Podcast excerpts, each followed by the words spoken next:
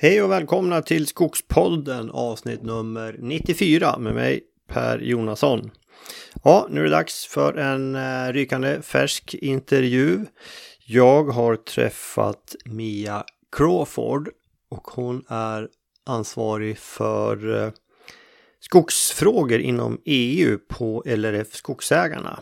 Det blir ett intressant samtal om hur eh, e EUs eh, skogspolitik fungerar. Lite grann hur man jobbar där och eh, vi kommer att gå in i detalj på några aktuella eh, förslag, lagförslag som, som cirkulerade ner, bland annat The Nature Restoration Law. Och sen har vi något som heter avskogningsförordningen. Det kommer vi också prata lite grann om. Eh, så ja, men det här jag tycker det var jätteintressant. Jag lärde mig mycket. Så intervjun kommer alldeles strax. Men innan vi släpper in den vill jag tacka min samarbetspartner Föreningen Skogen. Föreningen Skogen är en ideell organisation där alla som är intresserade av skog kan bli medlemmar för enbart 350 kronor för ett helt år. Då får man tillgång till en rad förmåner. Bland annat så har vi 5-6 gånger per år eh, webbinarium, skogsfrukostar där man eh, får vara med då eh, helt gratis för medlemmar och eh, de här kan man se också i efterhand om man är intresserad. Nu för bara två veckor sedan hade vi en.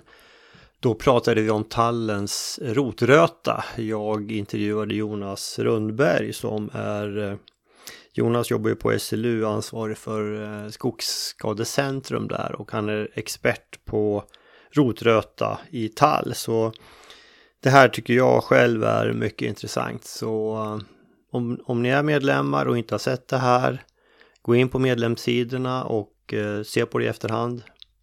Är ni intresserade, bli medlemmar och se det här och andra webbinarium i efterhand. Kan också nämna eh, Skogspoddens sårör finns till försäljning. Det är bara att eh, komma in med ordrar om ni är intresserade. Gå in på eh, Skogspoddens hemsida. Klicka på såröret så ser ni, det finns en film där och det står lite grann hur man gör när man beställer också. Bra, nej nu, nu tycker jag vi hoppar in på intervjun med Mia. Den kommer här. Mia Crawford, välkommen till Skogspodden. Ja, men tack, så jättetrevligt att ha dig här. Ja, ja. vi sitter hemma hos dig nu i, i, i Mälarhöjden. Ja, precis. Och vi kom precis på att vi, vi bor väldigt nära varandra. Ja, ja lustigt sammanträffande. Men, mm. men smidigt. Ja. Så nu har jag fått eh, kaffe och tårta och vi sitter framför en eh, brasa. Mycket trevligt. Mm. Mm. Och eh, julgranen får du inte... Julgranen? Har du inte kommenterat? Nej, den är magnifik. magnifik är den.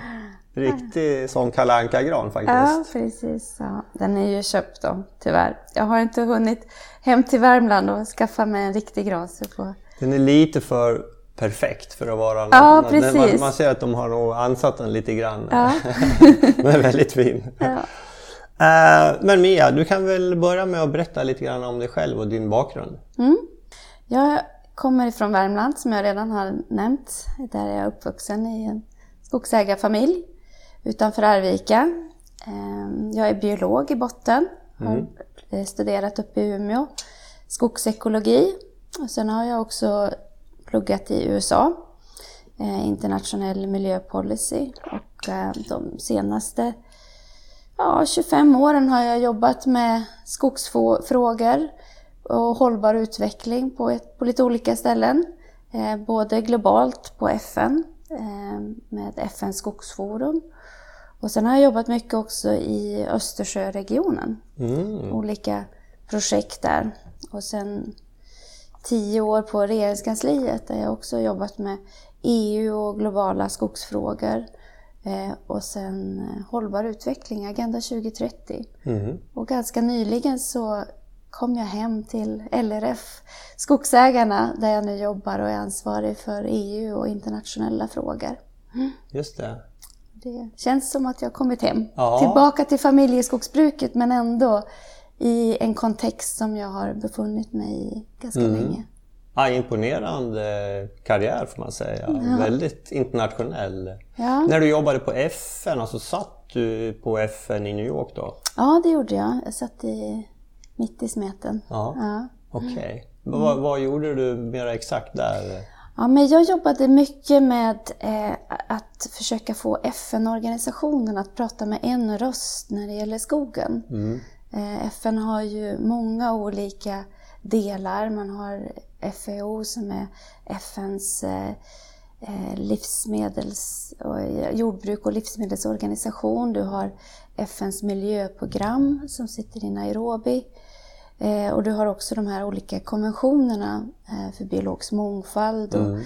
klimat. Eh, och alla ser på skogen på lite olika sätt. Ja. Eh, och då var det viktigt för Kofi Annan som var då generalsekreterare att FN skulle ha en mer samlad syn kring mm. skogen. Mm. Eh, så man inrättade ett partnerskap för det. Eh, och där var jag sekreterare. Så jobbade jag också väldigt mycket med uppföljning och skogsövervakning, framförallt kopplat till millenniemålen som mm. vi hade på den tiden. Och de har ju ersatts nu av Agenda 2030-mål. Så, ja. så sådana frågor jobbar jag med. Just det. Och nu i dagarna var det ju det här COP 15 mm. precis klart. Ja, man... precis. Igår, eh, när vi spelar in det här då, så ja. har man precis antagit ett, eh, ett nytt ramverk för, för biologisk mångfald globalt. Mm. Mm. Har du följt de förhandlingarna eller har du ja, sett utfallet? Ja precis, jag har inte tittat faktiskt på sl slutliga texterna har jag inte analyserat men vi har absolut följt det från LRF Skogsägarna. Det mm.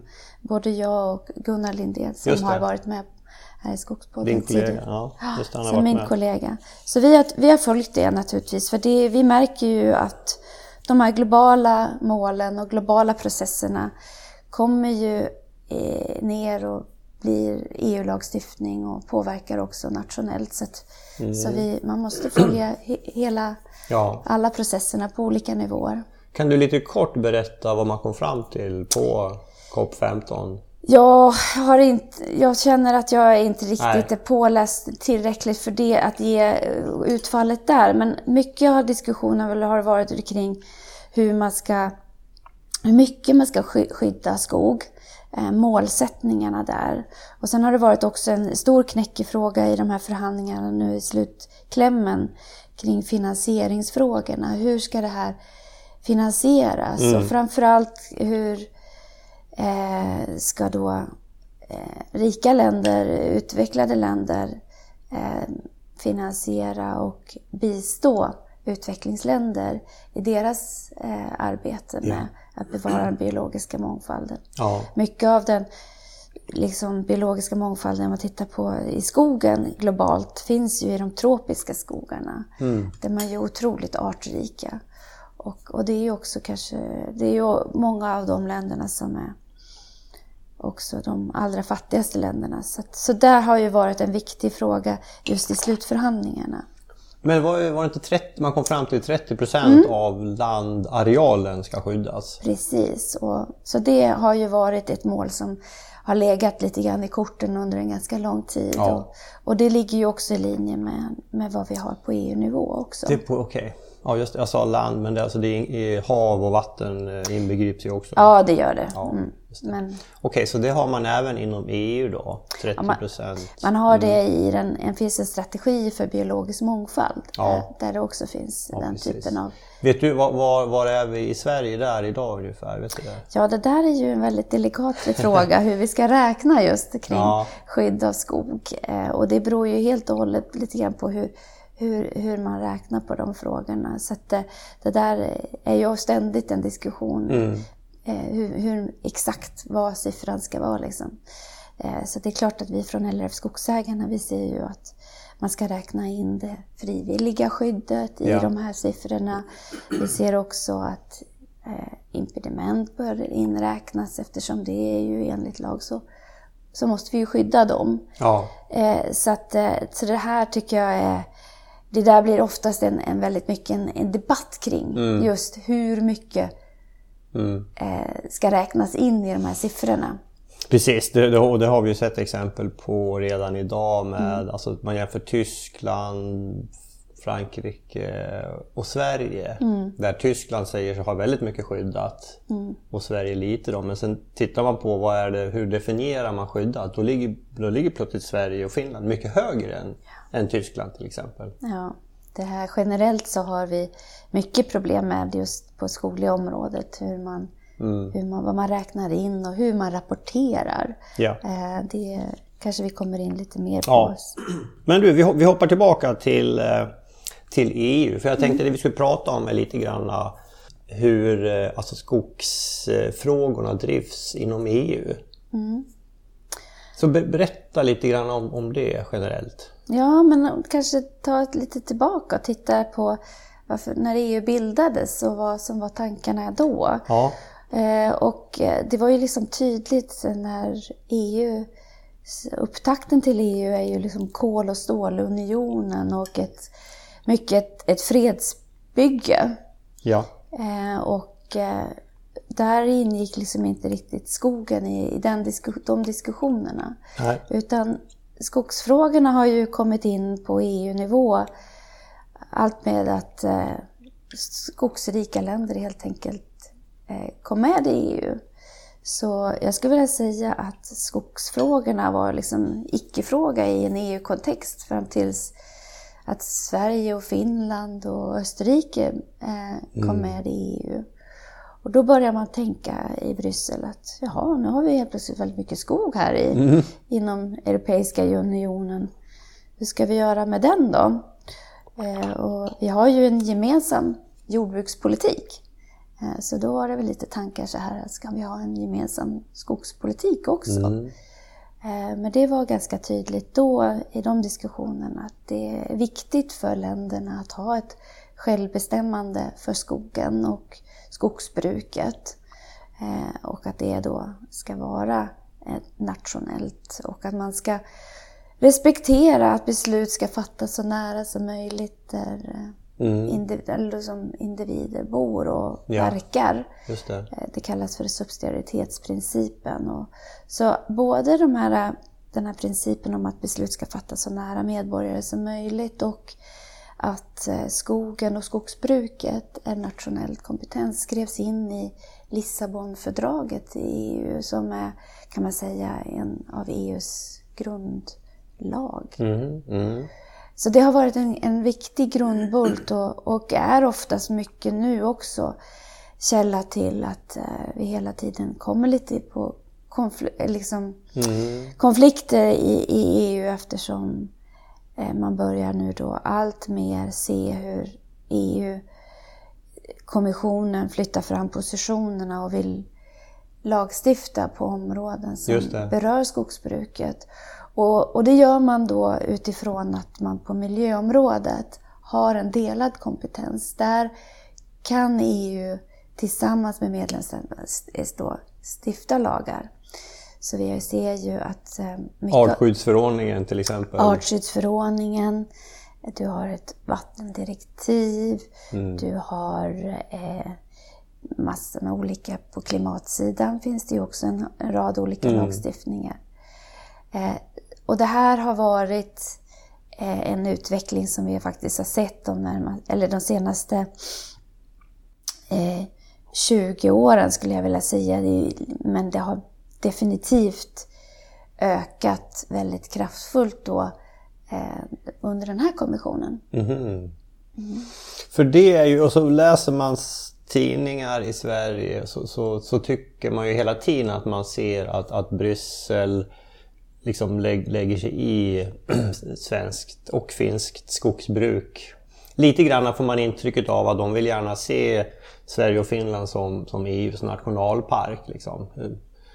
Om, om ni låter skogen stå där uppe så, så har vi jättemycket skog i, i EU då. Mm. Ja, men så är det. Vi har ju en, en, det är en flodvåg av eh, lagstiftning som berör skogen. Eh, och det här är ju inte bara Sverige och Finland utan det här är ju skogsägare i hela Europa som också reagerar Ja. på den här utvecklingen. Det är väl bara det att i här, det är klart att våran utblick är ju naturligtvis eh, den nordiska. Eh, Men, men vi jobbar ju och samarbetar ju med skogsägare i hela Europa. Eh, och eh, det finns en frustration skulle jag vilja säga kring hur, hur EU lägger sig i nationellt självbestämmande och också mm, äganderätten till viss ja. del känns hotad eh, i, i, i många länder i mm. Europa. Men det är klart att framförallt Sverige och Finland och nordiska. Det är också unikt att vi har så mycket egna privata skogsägare. Just det. det är många andra länder, till exempel Polen till exempel, som är, där är mestadels av skogen statlig. Ja. Eh, och det, det gör ju också skillnad. Visst gör det Visst gör det. Man får ju intrycket att våra svenska politiker inte riktigt har varit på tårna i de här frågorna tidigare. Rätta mig om jag har fel. Ja, nu får du ju veta att jag kommer ju direkt från regeringskansliet själv, så jag kan ju bevittna av att eh, vi har jobbat hårt många år med eh, att liksom respektera självbestämmandet i, i och skogens, att, att skogen ska vara en nationell angelägenhet. Men det, har, det, är klart att det har varit väldigt svårt eh, de senaste eh, fem, tio åren nu att liksom att, eh, att hitta en balans då mellan både eh, miljö och, mm. och eh, liksom resursanvändningen. Mm. Det, det, har ju speglats ju också i den, liksom den nationella debatten att vi, ja. vi har haft svårt att hitta vägar fram att balansera de här ja. två olika målen som vi har i skogslagstiftningen jo. med miljö och produktion. Eh, och i och med att vi heller inte riktigt har haft kanske en sån tydlighet nationellt så har det ju också kanske också varit svårt för oss att driva mm. det med all tydlighet i Bryssel också. Och sen tror jag nog att väldigt många, inklusive eh, politiker, också har varit väldigt eh, Ja, men man blev lite tagen på sängen, att det kom så mycket och så ja. många olika lagförslag som hänger ihop. Och det är svårt att greppa eh, och hur de hänger ihop. Så det, det, det, har nog tagit tid, skulle jag säga, ändå, mm. att politikerna sätter sig in och blir på banan och förstår hur, hur komplext det här är och hur ja. de hänger ihop. Just det. Nej, men jag tänker på, vi hade ju en lantbruksminister, han, eh, han som tog över efter eh, nu har jag glömt bort vad han heter. Han, han åkte ju inte ens ner på några möten liksom, eh, nere i Bryssel. Det här är ju okay. något år sedan. Ja.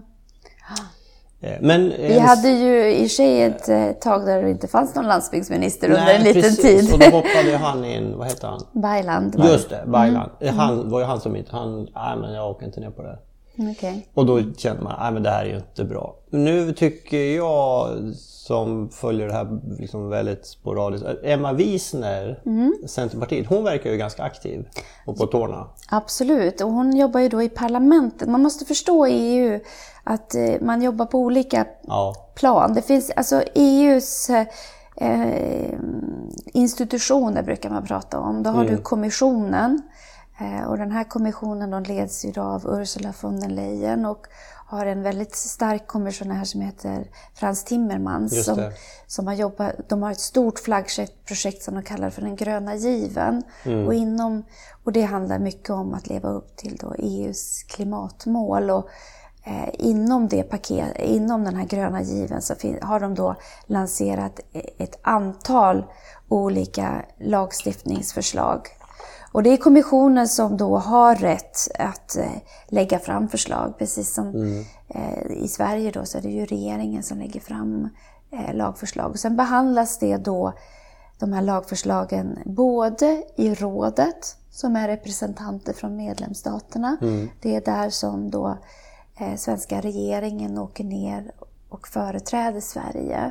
Och när man åker ner då till Bryssel för att företräda Sverige så, så tar man fram instruktioner som då förankras i riksdagen mm. så att man har instruktioner vad man ska driva som Sverige i rådet. Ja. Eh, och sen har du då eh, parlamentet där Emma Wiesner sitter med som mm. svensk representant från, från Centerpartiet. Eh, och eh, de eh, parlamentarikerna de väljs ju när vi har EU-val. Mm.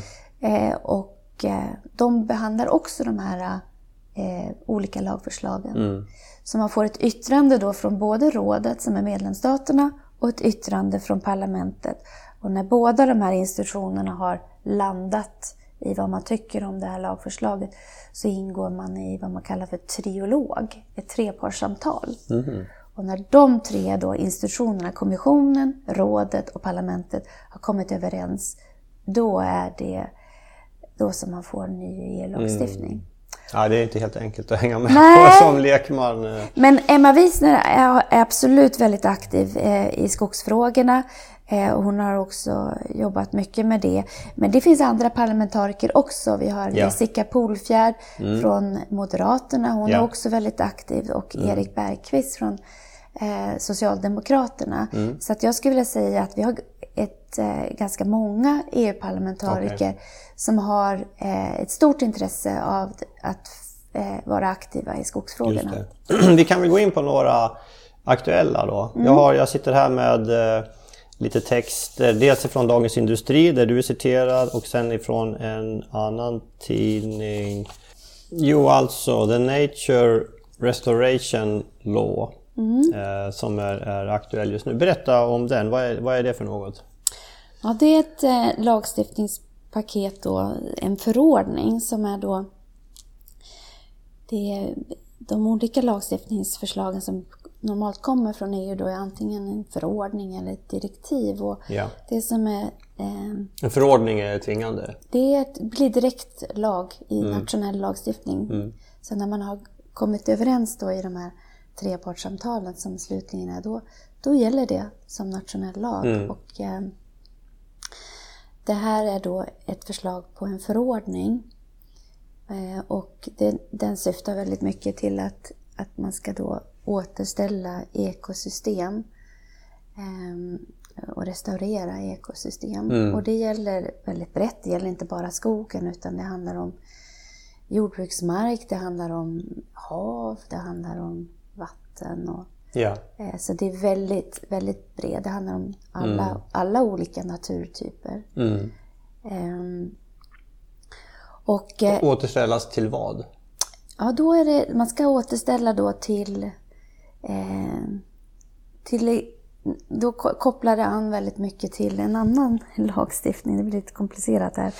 Art och habitatdirektivet. Där så pratar man om olika naturtyper. Mm.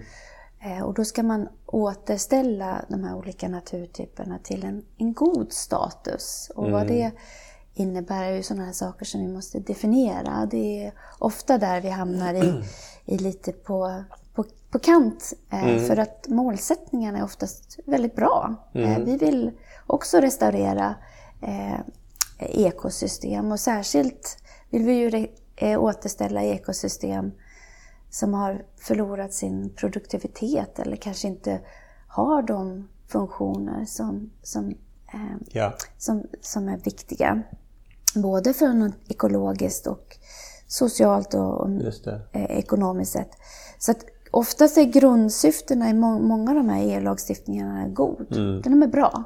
Det är för där det... vi kommer liksom i, på kläm är ju oftast när vi ska då börja definiera vad är en god status och, eh, och i svenskt fall då när det gäller den här nature restoration så hamnar vi också på eh, i problem i och med att grunden ligger mycket i då kopplat till det här art och habitatdirektivet där vi då rapporterar idag på ett väldigt eh, annorlunda sätt än många, många andra eh, För om, om, man ska förenkla det så handlar det inte om att vi har sagt att vi ska återställa vår natur till för industriell läge. I det, så som vi rapporterar idag under art och habitatdirektivet så gör vi ju det. Ja, och, det, och det, då pratar vi ju liksom 150-200 år tillbaka. Ja, Medan andra EU-länder Ja, de rapporterar utifrån antingen när de gick med i EU eller när den här lagstiftningen började gälla. Mm. Lagen började gälla 1992, alltså nu pratar vi om art och habitatdirektivet. Ja. Och det är klart att det är ganska stor skillnad hur vårt, vårt landskap såg ut 1992 om man, eller om man jämför med början på 1800-talet. Det är ju natt och dag. Det är natt och dag. Eh, och det gör ju att när vi nu då, om man har det som grund i det här lagförslaget mm. Så, så innebär det ju att, eh, att Sverige skulle få ett väldigt, väldigt högt då beting på att återställa väldigt mycket.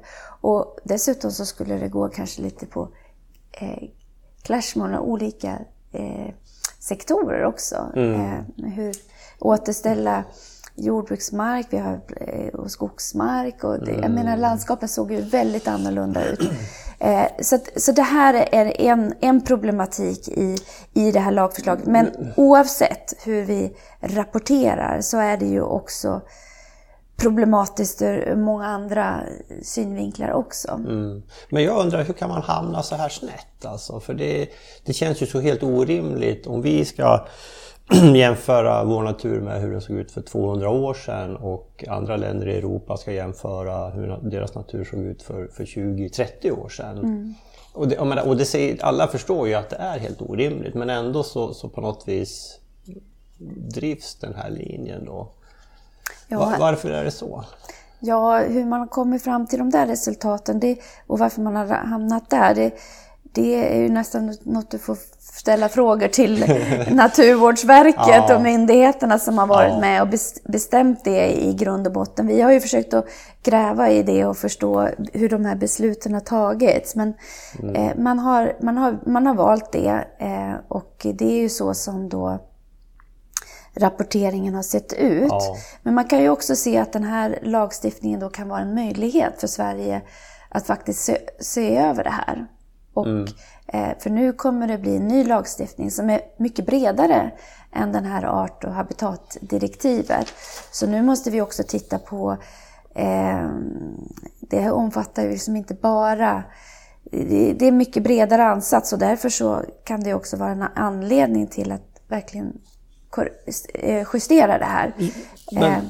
tror du då att vi kommer att lösa att vi jämför äpplen och päron? Tror du att vi kommer att lösa det? Vi har förhoppningen att man kommer göra det nu. Ja. För jag menar, är det...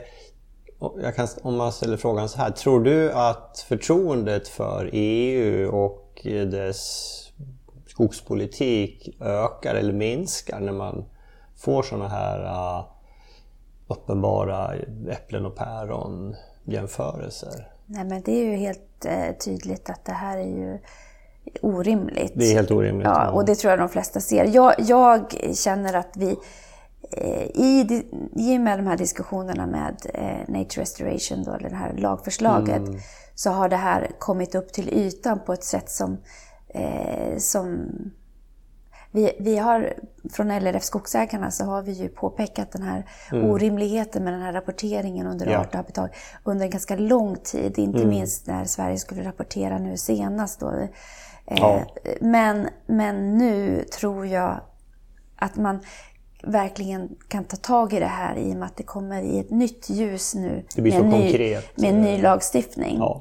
Eh, så att vi, vi har väl förhoppningar kring det. Men jag vill vara väldigt tydlig med att jag tror inte att rapporteringen är det inte det enda som är problematiskt Nej. med den här eh, lagstiftningen och Nej. den här ansatsen. För det första så omfattar det Eh, kommer att omfatta otroliga arealer och det måste ju rimligen också sättas i relation till, till andra samhällsnyttor. Ja. ja eh, Naturvårdsverket är ju som har rapporterat det här och där enligt den här artikeln som jag har framför mig så säger man ju där att nej, men det är Sverige som gör rätt, det är övriga EU som gör fel. Mm. Uh, och det där känns lite bekant. Liksom. Ja. Det är Sverige som gör rätt och alla andra gör fel. Precis, ja. Uh, ja. Det skulle ju kunna, om man, om man drar det i sin förlängning, då kan man ju tänka så här. Ja, hur såg Europa ut för ett antal hundra år sedan? Mm. Oh, det var fullt med skog överallt. Mm. Så de har ju ett stort jobb om man ska beskoga då liksom, uh, ja, Europa. Att, mm. att det skulle komma upp på samma nivå som som, som, som Sverige när det gäller andelen skog. Liksom. Ja, men så måste du också tänka på att vi har ett förändrat klimat. Men vi har klimatförändringar ja, också som absolut. gör att eh, eh, vi måste också ta höjd för det.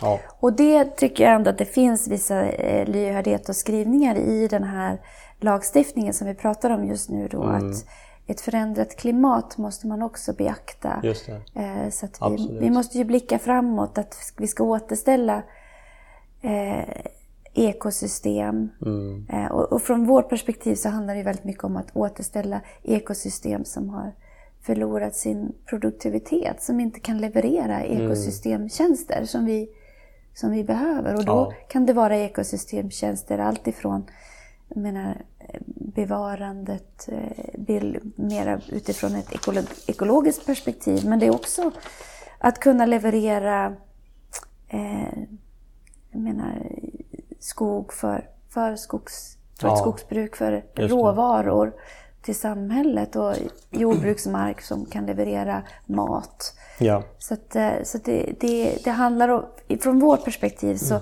ska återställande av natur och återställande av ekosystem handla om att återställa de ekosystem som förlorar sin produktivitet. De skadade eller degenererade ekosystemen bör ligga i fokus. Ja. Först och främst ska vi, där bör vi göra riktade insatser. Mm. Och sen kan man prata om att man ska återställa, det här måste sättas i relation till, till andra samhällsnyttor. Och det här är ju, för jag har ju sett Emma Wiesner, hon, har ju, hon lyfter det här på Twitter och Mm. du har såg det första gången tror jag. Så hon, hon sitter i parlamentet och liksom jobbar för en, en ensning då, Mm. utgår jag från. Och sen antar jag att vi, i, när vi har representanter i, i rådet kanske gör på samma sätt. Och sen har vi då LRF som du och Gunnar tillhör och även vi har Svenska Skogsindustrierna som man skulle kunna kalla för lobbyorganisationer i sådana här frågor, antar jag. Ja, jag ser mig själv som ett sk- familjeskogsbrukets röst i Bryssel. Eh, där för att förklara och eh, Ja. folkbilda eh, EUs fol- eh, beslutsfattare kring hur vi tänker och känner kring skogen. Eh, jag är besjälad av att just jobba mycket utifrån hjärtat. Att jag tror oftast i skogsdebatten, både här hemma men i, även i, i Bryssel, att det handlar väldigt mycket om att man tittar på antingen att man gottar ner sig i de här rapporteringen och siffrorna och hur vi liksom att det blir, skogen blir en eh, siffror och, och eh, mycket fokus kring det. Eh, eller så blir det skogen att det handlar om liksom retoriken att det är skövling och att eh, Mm. eller att skogen är helt orörd. Det finns väldigt lite människor i den här bilden. Eh, och det tycker jag är väldigt synd. Ja. Eh, så det jobbar vi väldigt mycket med, att vi ska lyfta fram familjeskogsbruket och människorna bakom Mm. De här träden. Som levererar eh, produkter och tjänster Mm. som vi alla eh, har, använder. Just det.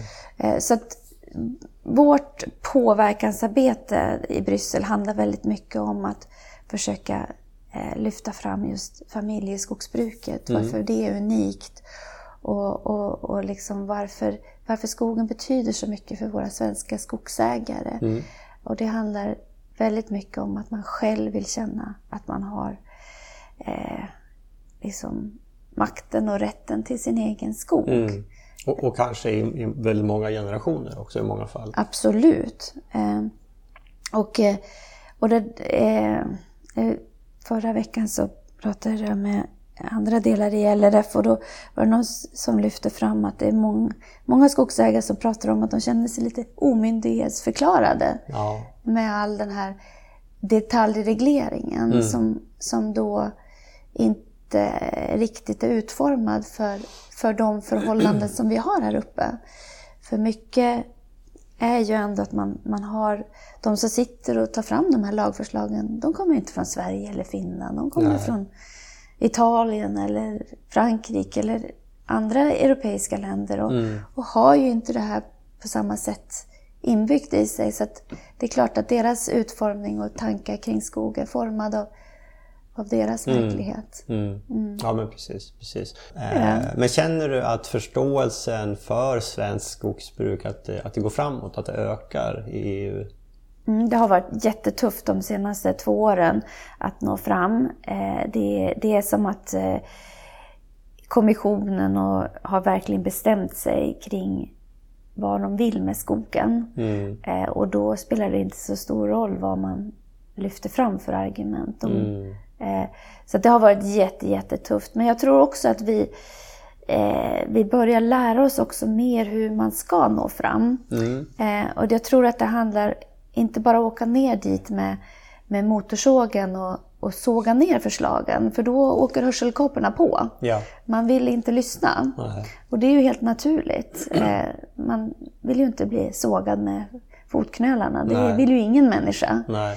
Så att jag tror att vi har börjat också jobba mycket mer strategiskt med att ja, men använda den svenska skogsbruksmodellen, vilket handlar om när man sågar ner ett träd så planterar man nya. Va? Ja.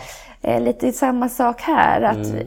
eh, vi kan såga ner det som verkligen inte fungerar för oss och förklara varför. Mm. Men också kanske ge konstruktiva förslag och nya idéer Ja. som vi försöker plantera. Eller så frön som, Ja. som du själv gör. Ja. det, det, och hoppas att de ska ta sig. Mm. Ja men intressant. Om vi går tillbaka till det här uh, konkreta exemplet, The Nature Restoration Law. Vad, vad, vad tror du nästa steg blir här och vad, hur ser du vägen framåt? Ja, jag tror att det kommer att bli en, en, en, en lagförslag. Det har ju varit diskussioner, vi har till och med i riksdagen hade man uppe det här för diskussion om när man gjorde en så kallad subsidiaritetsprövning. Jag berättade ju om att det är en viktig princip inom EU att beslut ska ta, fattas så nära eh, medborgarna som möjligt och Ja. att man ska respektera då det nationella självbestämmande. Mm.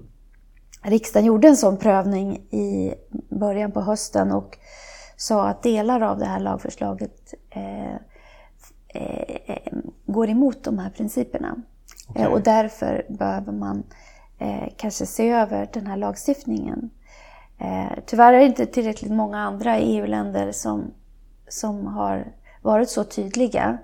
Eh, vilket gör att jag tror absolut inte att kommissionen kommer att ta tillbaka det här lagförslaget utan man kommer att ta det vidare. Ja.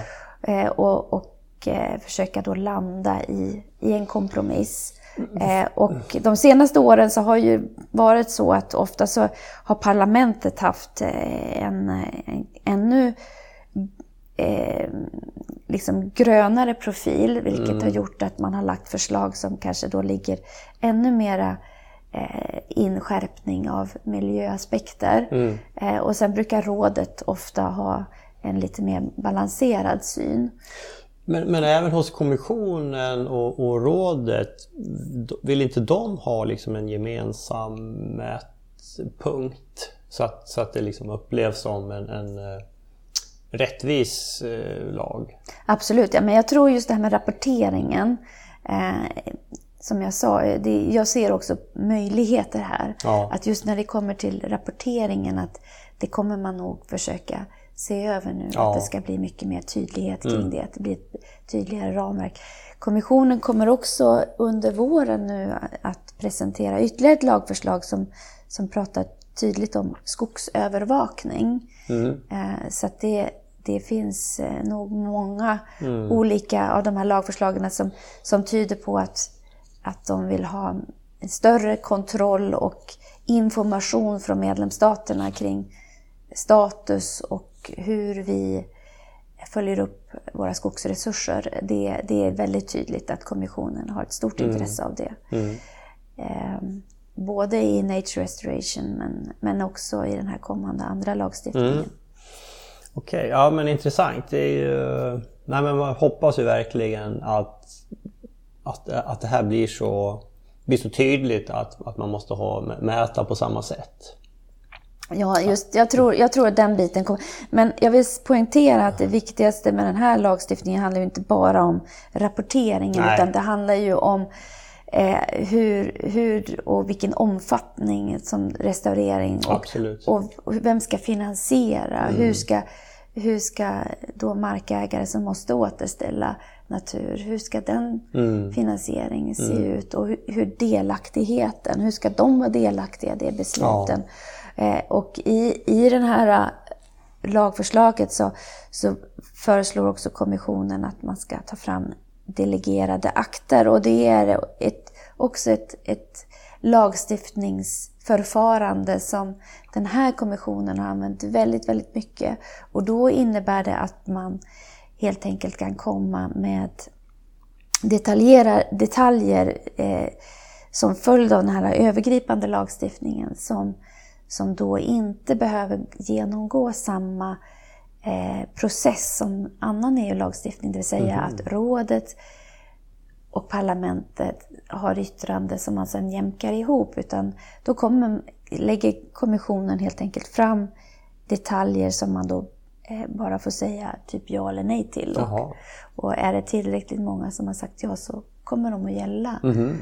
Och det här det är någonting som, som vi från LRF Skogsägarna tycker är oerhört problematiskt. Att mm. man eh, helt enkelt väldigt viktiga detaljer kan regleras på det sättet mm. utan den här jag menar, demokratiska ja. insynen från medlemsstater eller parlamentet. Mm. Så det, det, är också ett, en, en stort eh, ökande problematik ja. med EU så att, att eh, man, man, man frångår en man rad försöker... olika demokratiska principer. Ja, ja men det, det blir ju orimligt. Då kan ju vi börja ha synpunkter på hur eh, hur man ska producera olivolja nere i södra Europa. Eh, I liksom eh, Frankrike, Spanien, Italien. Om, om resten av EU då tycker att det ska göras på ett visst sätt så kan man liksom tvinga dem att... Eh, det blir ju helt orimligt. Mm, det... det säger sig själv. Precis. Mm, så det, är många, det kan vara ett tips att jämföra dem med olivoljeodling. ja, precis. Mm. Eh, ett annat, eh, en annan EU-regel här som jag, det stod i Dagens Industri 6 december, också alltså färskt, mm. där det pratas här, ja, det, det, står tyvärr inte vad den här lagen heter, men du hade koll på det. Det var... Mm, det är avskogningsförordning. Avskogningsförordningen, är det så mm. den kallas? Precis. Berätta om den. Ja, men den syftar väldigt mycket till att i huvudsak titta på hur EU importerar ju väldigt mycket eh, från resten av världen och eh, då vill man ju på något vis ha viss kontroll över att eh, de produkterna då inte eh, bidrar till den globala avskogningen. Ja. Mm. Det har ju mycket diskussioner till exempel om eh, med sojaodling eller palmolja och liknande som bidrar till en global avskogning. Mm. Eh, där man verkligen kan prata om att skogar skövlas och sen planterar man då de här grödorna ett par år och sen kommer man vidare till nästa områden. Mm. Eh, och, eh, och den typen av avskogning vill då EU med hjälp av den här lagstiftningen komma åt ja. och reglera. Men, men det har också kopplingar till eh, att det liksom är regelverk som också ska gälla för när vi ska exportera. Mm, eh, mm. Våra. Så att det, så då, de, de, men alltså grundtanken med den här lagstiftningen, återigen, den är väldigt lovvärd. Ja. Vi vill ju naturligtvis inte bidra till global avskogning. Vi vill bidra till ett hållbart skogsbruk ja. och vi vill... Eh, så att, så att det, det, återigen, lovvärt. Men där man då i vissa detaljer eh, kommer, kan, kommer lite snett. Mm. Och i, i det är också lite grann av begreppen och definitionerna ja, som är lite luddigt ja, definierade. Precis, och då handlar det i den här, i den här eh, lagförslaget så har det då eh, dels har en del av vårt kritik till den lagstiftningen har, har handlat just om olika definitioner på begrepp ja.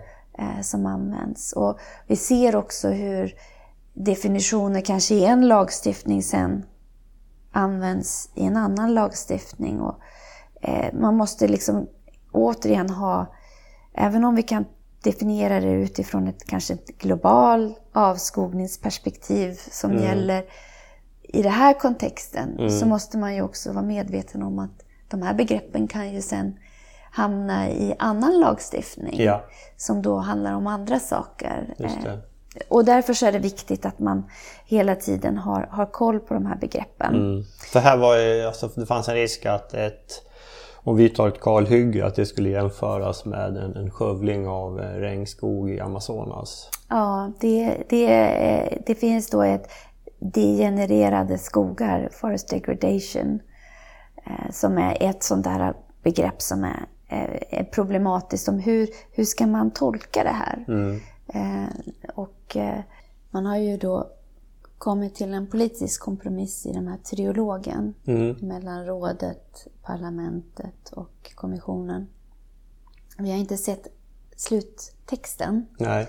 Så att just det här begreppet som handlar om skogsdegenerering eller forest degeneration. Mm.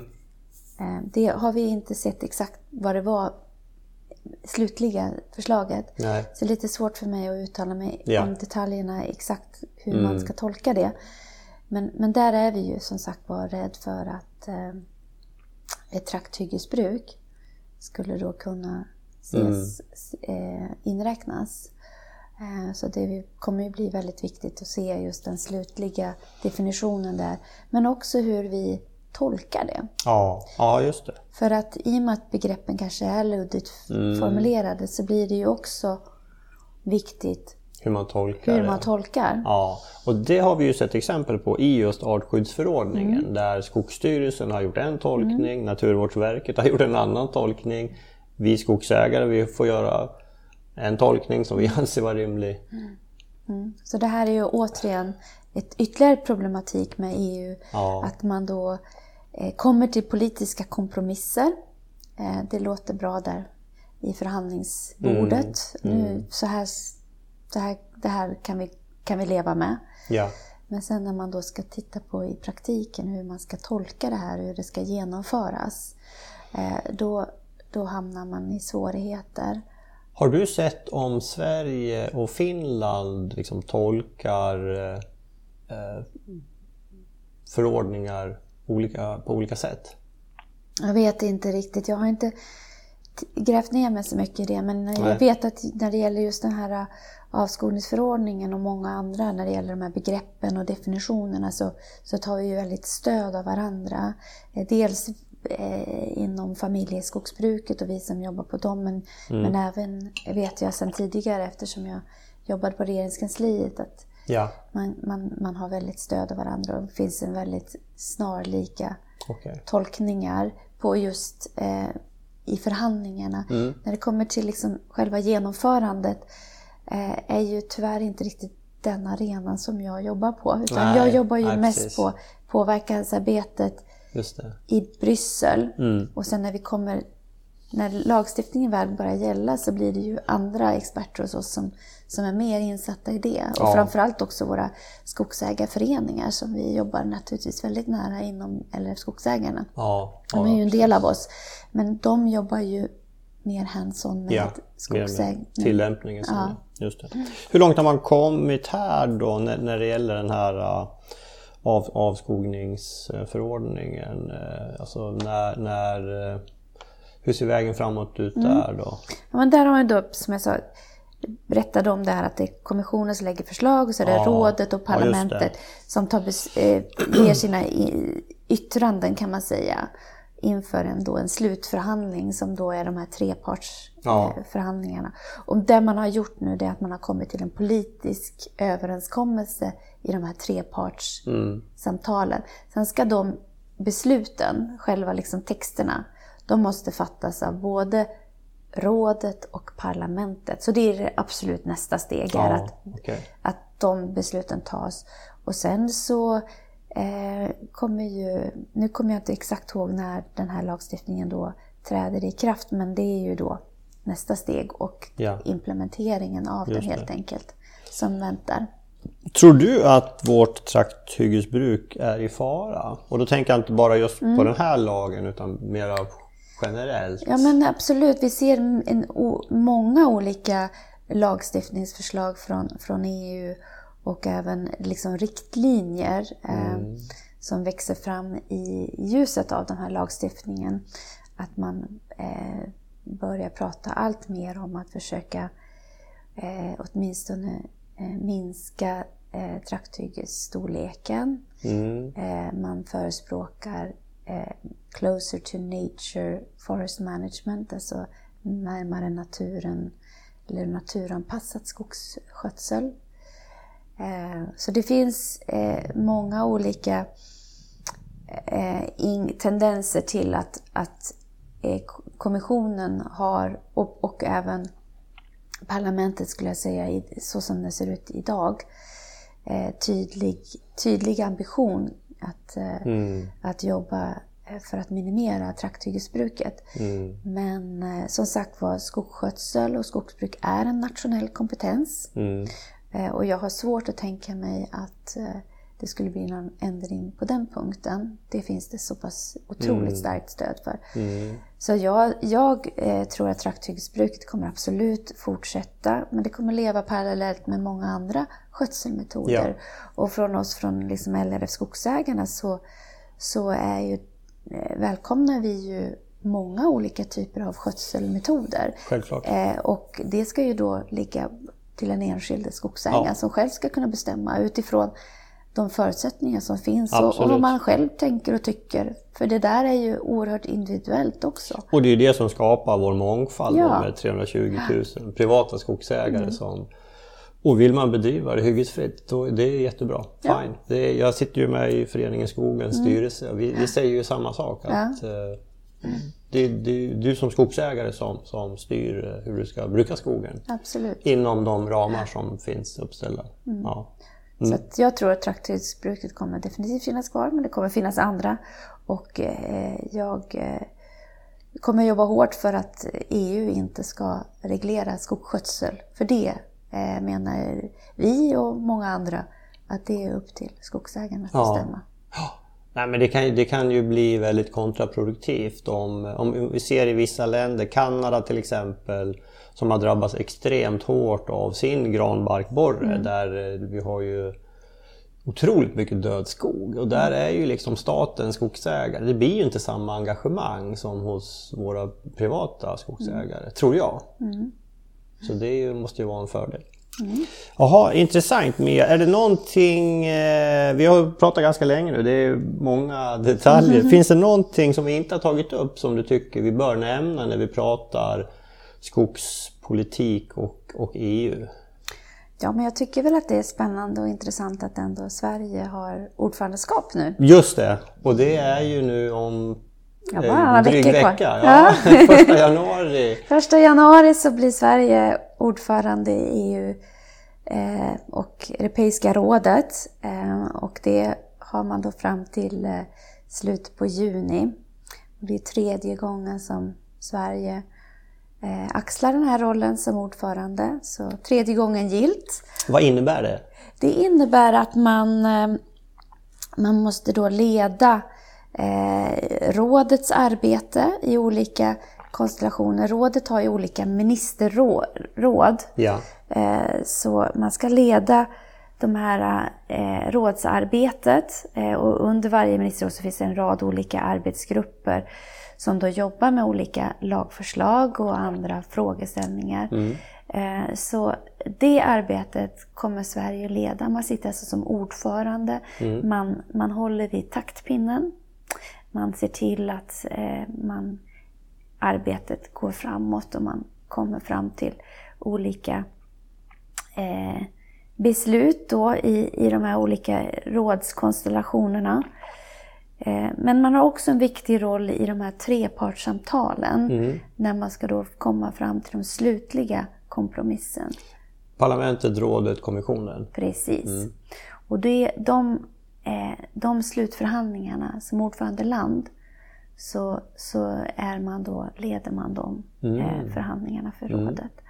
Eh, och där är det ju då en, ett antal av de här eh, eh, vi har till exempel en förnyelsebar förordning som handlar väldigt mycket om, bio, för, för vår del då från skogen, om bioenergianvändningen. Den, den går, är inne i så kallad triolog som, mm. som Sverige då kommer att ha en viktig roll.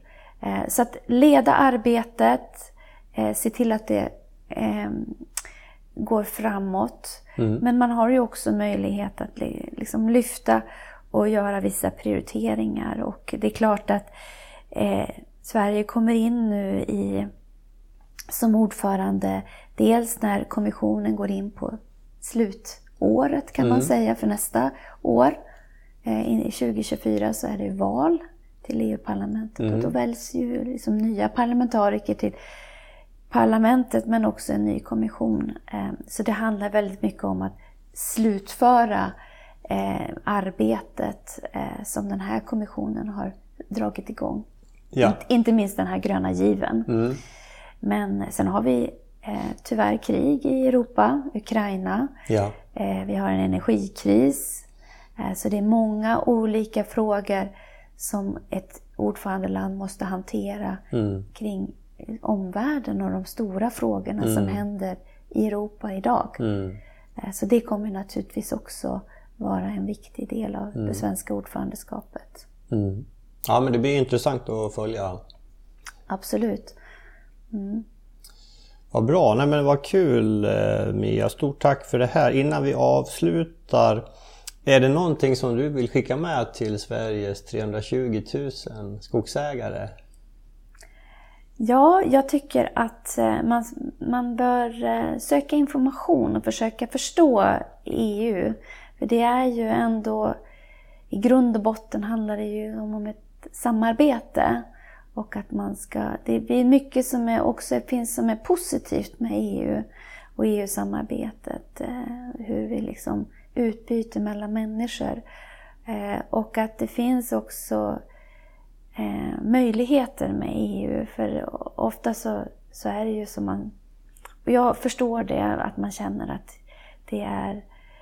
De förstår sig inte på skogen, man känner sig omyndighetsförklarad av EU kanske, vissa i alla fall. Men det finns ju också som sagt var en hel del möjligheter som, som man kanske tar för givet som eh, handel och utbyte mellan andra människor mm. som som EU ändå har möjliggjort. Eh, men sätta sig in i också hur mycket EU verkligen påverkar mm. vår vardag. Mm. Eh, på alla möjliga detaljer. Och att EU-valet 2024 eh, blir väldigt viktigt. Mm. Att, att gå och rösta. Ja. Att utnyttja, liksom, man har ju demokratiska möjligheter att också påverka EU. Eh, så det hoppas jag väl att den här skogsdebatten, den här flodvågen av skogsfrågor som har kommit till, mm. till oss skogsägare i Sverige, men även att det gör att man får upp ögonen för att man kan mm. också vara med och påverka EU. Precis, man kan ju berätta för uh, våra politiker vad vi anser. Absolut. Ja. Ja, du, ja men jättebra avslutning. Och ja, precis det här att EU har ju många positiva saker också. Och det får man ju säga, det har ju varit en fantastisk uppslutning bakom Ukraina. Mm. Där har ju liksom EU visat musklerna på, på ett uh, väldigt bra sätt. Ja, absolut. Mm. Vad bra! Nej men eh, stort tack Mia, vi sätter mm. punkt där. Vi kanske får återkomma till dig när de här Eh, lagarna och förslagen liksom, ja, börjar kristallisera sig och, och, ska tillämpas och så och se, se vart det tar vägen någonstans. Så vi, vi, vi ber att få återkomma. Det låter jättebra. Ja, tack så mycket. Tack ska du ha. Hej. Ja, där hörde vi intervjun. Jag tycker det var jätteintressant. Jag lärde mig mycket. Det är eh, inte helt enkelt att hänga med i alla svängar, men eh, det här påverkar ju oss, berör oss väldigt mycket, så det är värt att hänga med, helt klart. Ja, jag, jag, känner väl kanske efter det här samtalet lite större förtroende för EUs eh, skogspolitik. Och, eh, men jag ska följa det noga naturligtvis. Det tycker jag ni också ska göra. Och eh, vi kanske ska prata med flera personer som jobbar med det här. Eh, vi får se. Eh, men jag eh, tycker vi sätter punkt för podden. Jag vill passa på och önska God jul och gott nytt år också, så hörs vi nästa år. Hej så länge!